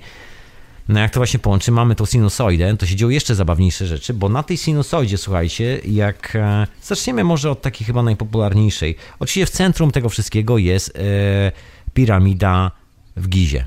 To jest e, taki podstawowy element. To jest jakby centrum e, tego całego zamieszania. Niektórzy nazywają to piątą czakrą. O, różne są nazwy. Kolejny taki punkt znajduje się w Anglii i nazywa się Glastonbury. E, kolejny nazywa się Moskwa. Dokładnie to jest Moskwa. Kolejny punkt e, znajduje się e, w Tybecie i to jest góra, zdaje się, Kilas, jedna z takich świętych gór, że ponoć tam właśnie stamtąd, stamtąd się buddyzm wziął, stamtąd się życie wzięło i tak dalej. Kolejne takie miejsce znajduje się na Bali, w Pool Mountains. Kolejne takie miejsce to jest Uluru. To jest ta tajemnicza płaska skała w Australii, taka czerwona. Wszyscy zamierzą, żeby zobaczyć tą skałę. Takie tajemnicze miejsce. Kolejne, no i, że tak powiem, linia idzie w dół i z, e, przechodząc przechodzi przez e, jezioro Titicaca w południowej Ameryce. No i z powrotem wraca właśnie do Glastonbury. To jest jedna część sinusoidy, jako że są dwie sinusoidy, które się mijają po drodze i są miejsca, gdzie te sinusoidy się schodzą i spotykają. Jednym z takich właśnie miejsc jest E, jezioro Titicaca i kolejnym z takich miejsc jest właśnie um, Poor Mountains e, w Bali, czyli te góry, góry na wyspie Bali. Ale od, co, za, co zahacza ta druga sinusoida? Ta druga sinusoida e, zahacza, że mnie skłamał. E,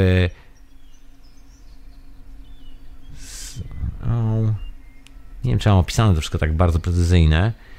Zahacza Hawaje, Maui, też taka tajemnicza historia. No oczywiście później jest e, Palenkę, czyli Meksyk, te dziwne tajemnicze piramidy, o których przeznaczeniu nikt nie wie. Później sobie idzie właśnie przez, w dół przez jezioro Titicaca e, i wracając e, zahacza właśnie o wyspę Bali i kolejnym miejscem jest góra Fun w Japonii. Także mamy bardzo symetryczne układy. To taki wręcz fenomen, bo jeżeli to wszystko zaczniemy łączyć, okazuje się, że wszystkie te tajemnicze budynki stoją dokładnie na jednej i tej samej linii żeby było zabawniej, jeżeli sobie weźmiemy i połączymy kilka dziwnych budynków, takich jak na przykład Stonehenge i, e, przez Delphi, które się znajduje w Grecji i sobie puścimy taką strzałkę po globusie, to dojdziemy, to następnym punktem zaraz po Delphi jest e, piramida w Gizie, a następnym punktem po piramidę w Gizie jest miejsce, które teraz jest nazywane Mekką.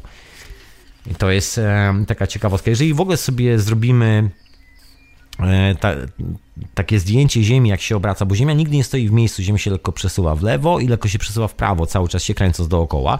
Jeżeli byśmy fotografowali Ziemię z jednego punktu, gdybyśmy postawili naszą kamerę gdzieś w kosmosie, która po prostu by się w ogóle nie ruszała, tak żeby moglibyśmy zaobserwować wszystkie te ruchy Ziemi, to ta linia, o której jest mowa, właściwie jest prosta i przelatuje centralnie przez e, cały globus. To złudzenie, że właściwie, że mamy do czynienia z, elipto, z elipsą, bierze się stąd, że po prostu żyjemy na ruchomej planecie, stąd się bierze elipsa. Natomiast widziane z kosmosu jest to taka po prostu prosta linia, która jakby przecina e, tą całą planetę. No i tu generalnie ciekawa historia związana z tym Prime Meridian, czyli takim no, głównym meridianem, głównym równoleżnikiem, e, który znajduje się na świecie, przynajmniej znajdował się według starożytnych. Ten, to główne miejsce znajduje się dokładnie właśnie w Egipcie. To jest ta właśnie owa tajemnicza piramida. Jeżeli na przykład spojrzy się na to, jak wygląda um, cała Aleksandria właściwie, tak zwana nie, Memphis, tak to się dawniej nazywało. Z jednej strony jest e, pustynia, z drugiej strony jest e, Morze Czerwone. No to e, jeżeli sprawdzimy, to tam też jest taka historia z trójkątem. I z jednego końca trójkątu mamy zabytki neolityczne i z drugiego końca mamy zabytki neolityczne. Po środku mamy tą deltę Nilu, która się rozlewa, a na samym dole, jakby punkt, który, z którego startuje cała ta delta, to są oczywiście piramidy w Gizie. No jakby jak na ironię, oczywiście kolejna historia, że ten, e, ten, to miejsce w Egipcie jest takim centrum świata. Ktoś w ogóle kiedyś tam policzył, e, gdzie znajduje się centrum, jakby jeżeli chodzi o masę kuli ziemskiej. No to dokładnie właśnie tam. Nie w, nie w Greenwich, bo Greenwich oczywiście był wybrany politycznie. To była kwestia walki o wpływy i pieniądze bry, brytyjskiego królestwa, a nie o to, gdzie w rzeczywistości jest e, centrum świata. Dlatego być może my nie do końca jesteśmy świadomi tych wszystkich energetycznych linii, bo po prostu liczone z Greenwich nie istnieją. One istnieją dopiero wtedy, kiedy przesuniemy ten e, punkt zerowy w zupełnie inne miejsce i nagle się okazuje, że wszystkie te, że tak powiem, interwały odległości, na których e, w których się znajdują od siebie te wszystkie dziwne, tajemnicze budynki, nagle zaczynają się zgadzać. Tu nie ma żadnej lipy, po prostu i to, bo zabawnie zgadza się co do praktycznie centymetra, albo nawet milimetra prawdopodobnie. E, jeszcze w starych czasach w ogóle zupełnie inaczej liczono w ogóle wszystkie rzeczy. Na przykład centrum Anglii było liczone od wyspy Man. To jest taka wyspa na środku Morza Irlandzkiego. I nawet e, zdaje się jeden z rzymskich cesarzy, czy w rzymskich dokumentach jest zapisane, że Anglia jako taka jest, e, Irlandia jest jednością, natomiast centrum tego wszystkiego, takie geograficzne centrum, to jest właśnie wyspa Man, która się znajduje. Eyes of Man, tak to się nazywa. To, to też jest fenomenalne miejsce, bo tam też są bardzo dziwne zabytki neolityczne, szczególnie bardzo e, dziwne petroglify, których właściwie znaczenia nikt do dzisiaj nie odkrył. No dobra, no i tu musimy tak przeskoczyć do kwestii miary, miary i wag. W, dzisiejszych, e, w dzisiejszym systemie jakby zapisowym e, Giza, Giza znajduje się, czekajcie, ja to jak zwykle muszę sobie otworzyć troszkę poglądowe pomoce, żeby się nie zamotać w tych wszystkich numerach, bo to zawsze jest problem dla mnie, jak w opowiadaniu o numerach w radiu, bo to w ogóle wziąłbym po prostu kartkę papieru, e, markera, narysował i wszystko byłoby jasne. A tu kurczę, jak to powiedzieć? Jak to powiedzieć? E, więc Giza znajduje się na wysokości 30 stopni. I to jest właściwie, e, u nas jest to 30, 30 stopni, ale w rzeczywistości jest to właśnie dla starożytnych taki punkt zerowy. No i kiedy się to wszystko przelicza i wracając do tych wszystkich starożytnych map, o której wcześniej wspomniałem, masa, ma, mapa Piriusa i tak dalej, i tak dalej, właśnie znalazłem te mapy dokładnie. E, są jeszcze mapy z 1335 roku, tak zwana słynna mapa e, Dicariusa, zdaje się. No jest kilka innych jeszcze. Z czasem odkrywamy ich coraz więcej, no ale co takiego fenomenalnego, fenomenalnego jest w tych mapach, że te mapy używają właśnie jako takiej siatki e, geograficznej owych kardynalnych punktów, tak zwanych, czyli tych punktów mocy. Jeżeli się weźmie właśnie mapę Piriusa, ja właśnie trzymam teraz e, w ręku kopię tej mapy, oczywiście oryginalnej nie mam, chociaż szko szkoda. Ciekawie byłoby spojrzeć na oryginalną. No to właśnie te wszystkie, te dwa główne punkty, z których się wylicza e, całe te wartości na tej mapie znajdują się dokładnie w tym samym miejscu, w którym owi rosyjscy, owi amerykańscy naukowcy, ten człowiek z Nowej Zelandii, wszyscy inni, którzy zajmują się tymi liniami energetycznymi, postulowali właśnie owe właśnie takie krytyczne miejsca, gdzie te wszystkie linie się bardzo chętnie spotykają i gdzie się, że tak powiem, gdzie przez siebie przechodzą. tam jest, e, tam jest coś, tam jest coś. No i tu musimy przeskoczyć do kolejnej rzeczy, znaczy musimy, jak musimy, przeskoczmy do kolejnej rzeczy, do tak zwanych e, harmonicznych, czyli do długości harmonicznych, tak to można chyba przetłumaczyć. No, wszystko zaczyna się od, od, e, piramidy w Gizie, która jest właściwie takim centrum zerowym dla starożytnych. No i teraz o co chodzi z tymi interwałami? E, są bardzo takie dziwne odległości. Na przykład 140 stopni na zachód od e, dużej piramidy właśnie znajduje się to miejsce na Atlantyku, które jest na mapie Piriusa, jako jeden z tych centralnych punktów, z których się wylicza rej statku, gdzie jesteśmy i nasze położenie. 130 stopni na Mm, na, na wschód od piramidy Giza znajduje się e, Teotihuacan. To jest to miejsce w Meksyku. 120 na wschód od piramidy znajduje się Copan, czyli kolejne takie tajemnicze miejsce, o którym właśnie nic nie wiem, też Meksyk. 120 e, e, na, przepraszam, na zachód, bo to wszystko jest na zachód, 120 stopni na zachód od Gizy znajduje się E, Lubainton, tak to się chyba poprawnie mówi. Później jest 110 stopni na zachód, później jest Quito, a później jest 100 stopni na zachód i znajduje się Tijuanaco. I generalnie jakby tak policzyć, to właściwie wychodzi na to, że jakbyśmy spojrzeli na planetę Ziemia z góry, jakbyśmy, wyobraźcie sobie po prostu globus, bo to w ogóle takie ciężkie rzeczy troszkę do obgadania, że patrzycie na globus prosto z góry. I teraz wyobraźcie sobie pentagram, taką po prostu normalną gwiazdkę. Teraz łączymy wszystkie te rogi gwiazdki, no i co nam wychodzi? Taki e, bardzo geometryczny kształt, który zawiera się w 72 stopniach. Te dwa kąty, jeżeli dodamy do siebie, to jest 144 stopnie, a kąt rozwarty to jest e, 108 stopni. No i generalnie jak zaczniemy liczyć, no to nagle się okazuje, że te wszystkie miejsca znajdują się dokładnie tam, gdzie ta gwiazdka ma swoje rogi czyli e, po środku, czyli, na jednym z rogów znajduje się piramida w Gizie. Przesuwając w dół, e, przesuwając w bok e, o te 72 stopni znajduje się Angkor Wat. Później od Angkor Wat znajduje się Kir Kiryabati, tak to się chyba poprawnie mówi. No i generalnie wszystkie te zabytki neolityczne, o których jest mowa, dokładnie leżą na takiej samej siatce geometrycznej. No wygląda to trochę tak, o ja może po prostu odłożę tą książkę, bo chyba ona wprowadza więcej zamieszania niż porządku. No najprościej mówiąc, wyobraźcie sobie po prostu oszlifowany kryształ, jakikolwiek, który jest jedną z takich właśnie platońskich brył. I teraz jeżeli przyjmiemy za taki, przyłożymy do jednego czubka, tam gdzie się zbiegają te wszystkie linie, to będzie Giza, to będzie nasz punkt zero, ta wielka piramida i zaczniemy sprawdzać, co się dzieje na tej planecie, na której mieszkamy, w tych pozostałych miejscach, gdzie te wszystkie płaszczyzny się spotykają ze sobą, to w niewiadomy sposób, nie wiadomo dlaczego, tam zawsze jest coś. Tam zawsze są jakieś dziwne konstrukcje, dziwne nie wiadomo coś e, i tajemnicza historia naszej planety. Nikt właściwie nie wie, co tam się kiedykolwiek wydarzyło, właśnie nie znamy przeznaczenia, są tylko nasze spekulacje. No i stąd się wzięła e, ta koncepcja, że Ziemia jest właściwie dużym kryształem.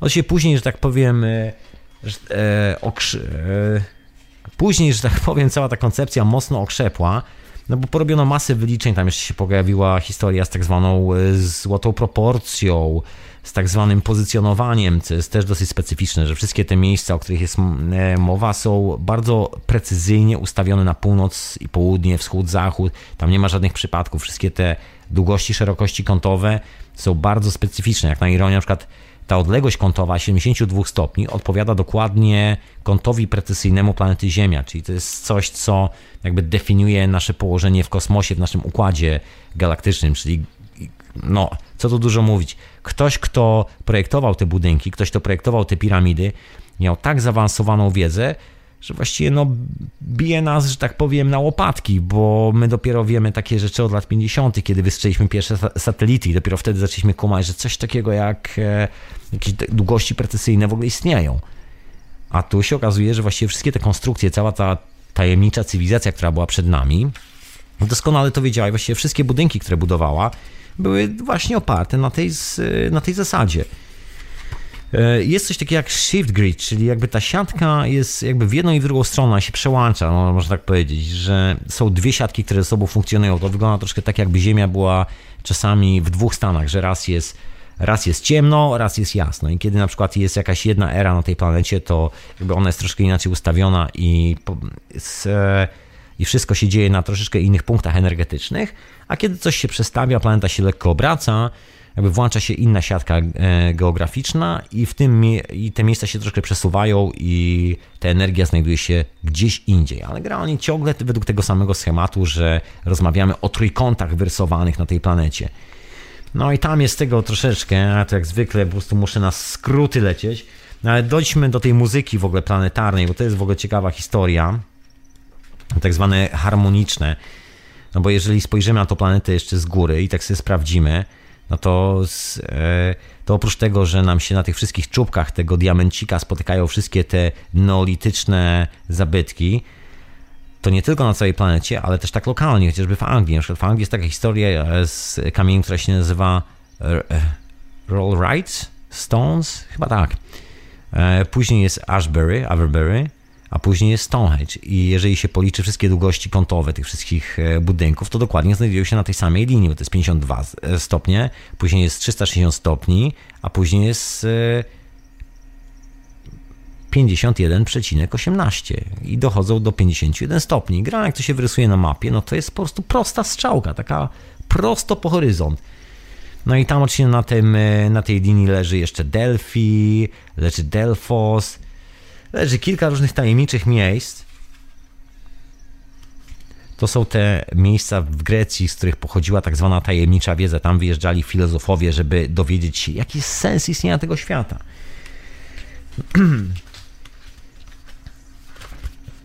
Ok, na pewno słyszeliście o takiej rzeczy, o tak, do, skoro już jesteśmy w tej muzyce, e, z, coś, co się nazywa cinematics, czyli jeżeli weźmiemy kawał blachy, albo w ogóle jakiegokolwiek materiału, postawimy głośnik na dole, wysypiemy na tą blachę trochę piasku i puścimy odpowiednie częstotliwości, to one układają się w konkretne wzory. I to się okazuje, że z Ziemią jest bardzo podobnie, bo właściwie są pewne rodzaje częstotliwości i pewne rodzaje patternów, które dokładnie są takie same jak nasza Ziemia, no bo są dokładnie te same kształty. Mówimy o tych wszystkich platońskich bryłach, o tych wszystkich e, bardzo jasno zdefiniowanych geometrycznych kształtach. No i się okazuje, że autentycznie coś takiego istnieje, czyli kolejny wniosek, że ten kryształ, na którym mieszkamy, ma swój specyficzny rezonans i ten rezonans się manifestuje w bardzo widowiskowy sposób i w tych wszystkich miejscach, w których się manifestuje, warto budować jakieś budynki, ponieważ tam ta energia troszkę wyskakuje na zewnątrz. Tylko, że pytanie, jakie są te budynki, jakby czemu mają służyć te budynki, skoro tam wyskakuje energia. O, tu y, można się zastanowić nad Edem Leckinem, który wybudował ten swój koralowy zamek kiedy go wybudował i tam pomieszkał w tym zamku troszeczkę. Legenda mówi o tym, że ktoś go tam pobił i z tego powodu się przeprowadził z tym zamkiem troszeczkę dalej, ale Edleckin twierdził, że po prostu zrozumiał, gdzie jest jakby błąd w jego wyliczeniach i okazało się, że żeby to wszystko lepiej pracowało, on musi dostroić jakby się do miejsca, które leży w tej siatce geomancyjnej ziemi. Także wziął ten cały zamek, w tajemniczy sposób przeniósł te tonowe, skalne bloki w inne miejsce, no i ponoć zadziałało. I tam ten zamek już został na zawsze. Do dzisiaj można go tam sobie oglądać. Podobnie robił Tesla, też miał e, dosyć specyficzne podejście do tych wszystkich rzeczy. Też sobie wyliczał na przykład, gdzie postawić laboratorium, a gdzie nie, że pewne miejsca są fajniejsze, a pewne, pewne troszkę mniej fajne. Tu się zaczynają bardzo ciekawe rzeczy z tymi wszystkimi e, liniami energetycznymi. Przepraszam Was, że tak e, troszkę ścinam i na skróty straszne jadę, jadę z tym tematem, ale to naprawdę taka historia, która wymaga zdecydowanie slajdów, żeby wam pokazać zdjęcie planety Ziemia i kreskę, która na przykład idzie tak po planecie Ziemia i że tu jest piramida, tu jest, są jacyś Meksykanie starożytni, tam jest coś tam innego i tak przechodzi wszystkie te zabytki neolityczne. Taka naturalna siatka Ziemi, o której widzieli wszyscy nasi starożytni przodkowie. A wysłuchacie się radia na fali mojej dzisiejszej zamoty w hiperprzestrzeni na temat energetycznych linii. Jak to próbuję zastąpić projektor e, dźwiękiem. A właśnie, jest jedna. E, właśnie. Dobra, to ja może popróbuję zastąpić ten projektor dźwiękiem jeszcze troszeczkę. Słuchajcie, bo jest jedna sprawa w ogóle z tym związana. E, w 1978 roku profesor William Becker i niejaki Bate Higgins rozwinęli ten cały model, jakby to, co rozrobili Rosjanie, o których mówiłem, e, i Bucky Fuller, te wszystkie koncepcje, jak rysować w ogóle tą siatkę gdzie tak naprawdę są te wszystkie tak zwane kardynalne, główne energetyczne punkty na planecie Ziemia. No i zrobili coś takiego, co nazwali jak pierścień Gai. No i policzyli to wszystko, pomnożyli. Wyszło im e, tego 15 do takich dużych okręgów dookoła Ziemi. E, z tych 15 okręgów odizolowali jakieś 120 trójkątów, z których to się wszystko składa i takich nierównoramiennych, takich, które nachodzą na siebie, tworzą taki vortex i dodatkowe 60 no i z tego wyszło, że jest 62 punkty w których te wszystkie trójkąty się zbiegają i to są właśnie te główne punkty, jest ich ponad 62. I my mieszkamy granie na dużym krysztale i dlatego te wszystkie rzeczy się dzieją w tych dziwnych miejscach, manifestują się dziwne moce, ponieważ tam właśnie następuje jakieś wyładowanie energetyczne, takie dosyć solidne. No i nazwali to un, e, Unifield Vector Geometry – UVG, tak to się nazywa oficjalnie. No i żeby było zabawnie, jest to używane normalnie przez satelity, w ogóle do badania terenu i tak dalej. Jest to zaakceptowane normalnie ogólnie naukowo. Wiadomo, że są takie miejsca i że, że to są takie główne miejsca na planecie Ziemia. Jak satelita leci, to sobie tam wymierza z tych miejsc, czy jakoś tak.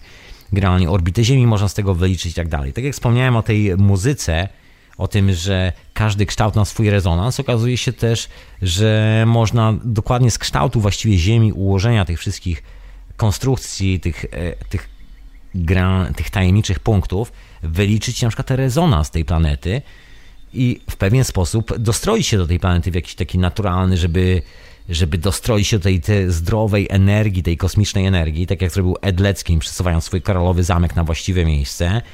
No się miałem powiedzieć o tych tajemniczych miejscach związanych z tymi liniami energetycznymi. Słuchajcie, ponoć, nie wiem czy to prawda, ale plota głosi, że ten e, tak zwany Philadelphia Experiment, czyli tam, gdzie ten statek cały załadowany marynarzami, owinięty elektromagnesami, został podłączony, nagle zniknął i dopiero później się pojawił, e, pojawił się 200 mil dalej, po czym z powrotem wrócił do portu, czy jakoś tak, za pomocą pola e, elektromagnetycznego, cały ten Philadelphia Experiment był dokładnie robiony na jednej z tych ley lines. No jest taka koncepcja, że nie można robić na przykład prób atomowych na E, na miejscach, które należą właśnie do tych, e, gdzie przechodzi cała ta energia. To może być bardzo niebezpieczne. Kolejna historia to jest to, że,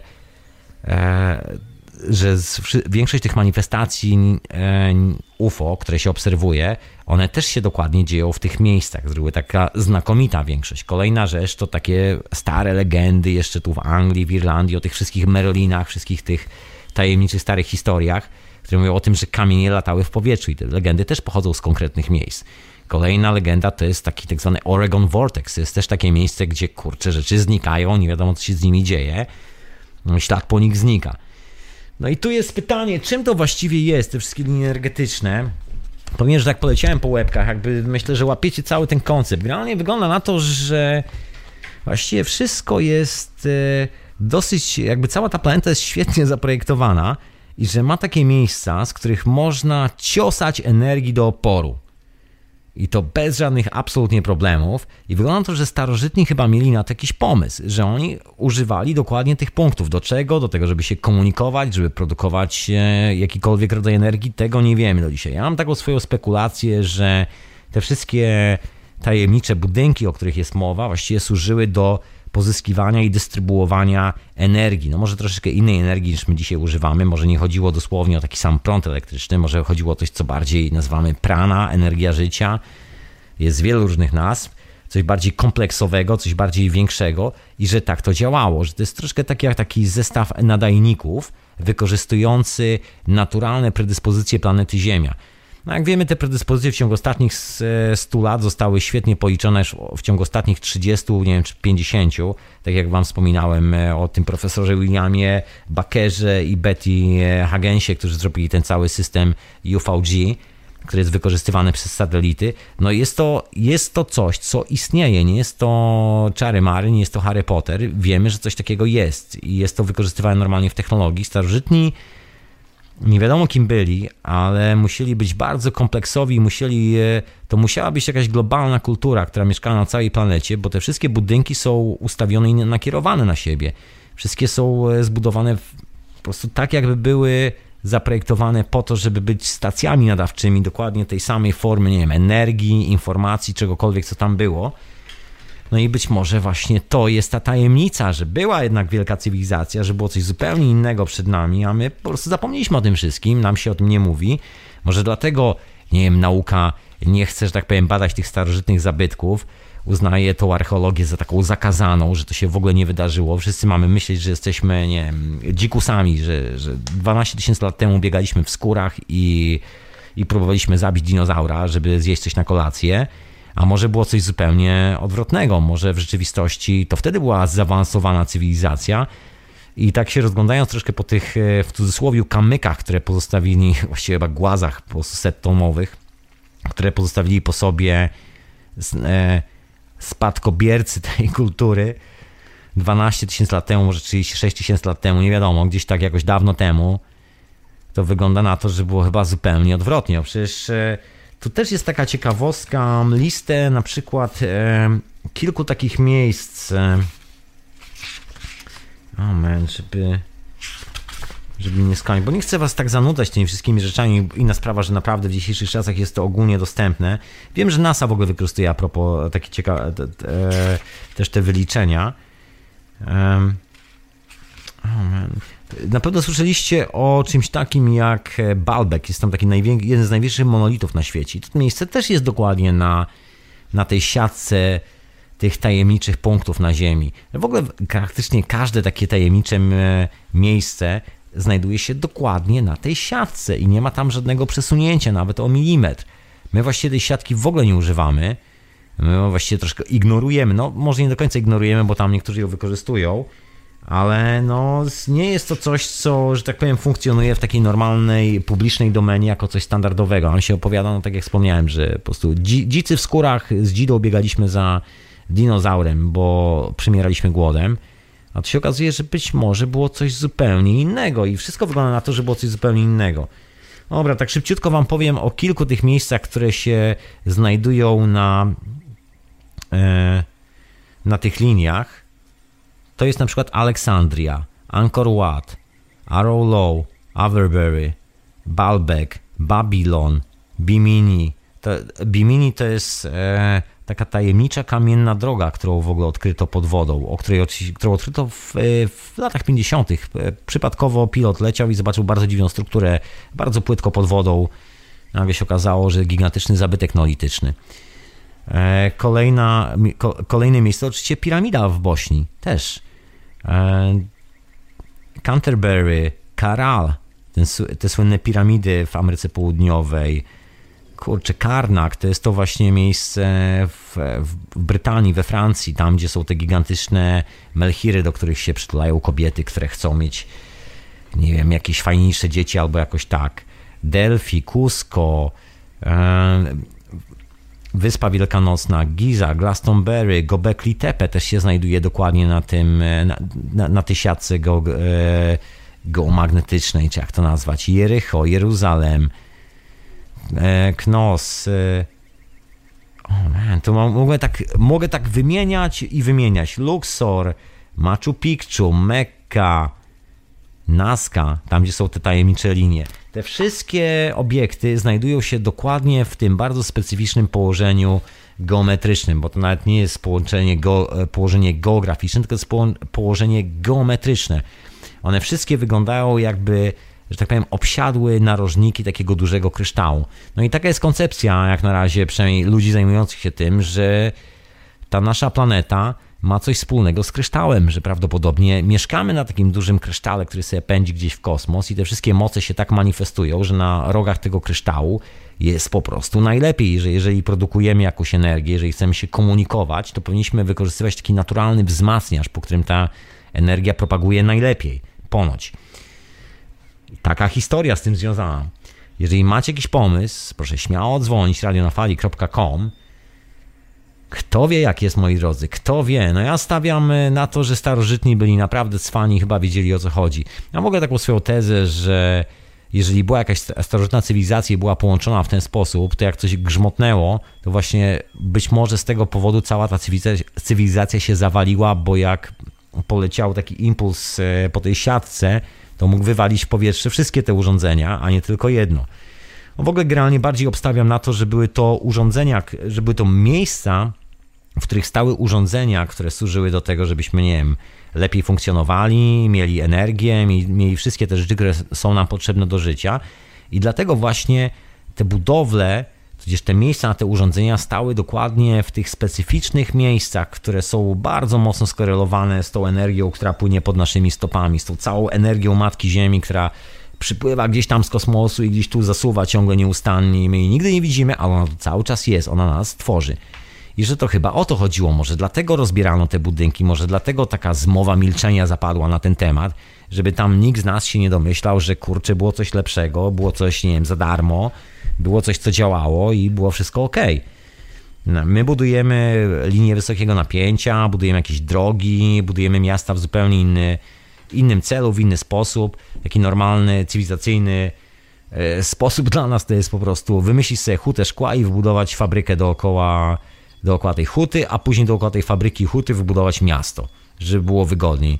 A starożytni zupełnie inną, inną stronę. Oni po prostu sprawdzali, gdzie ta energia jest e, najbardziej efektywna, gdzie jest jej po prostu najwięcej, gdzie jest najzdrowsza i dokładnie w tym miejscu budowali miejsce do mieszkania.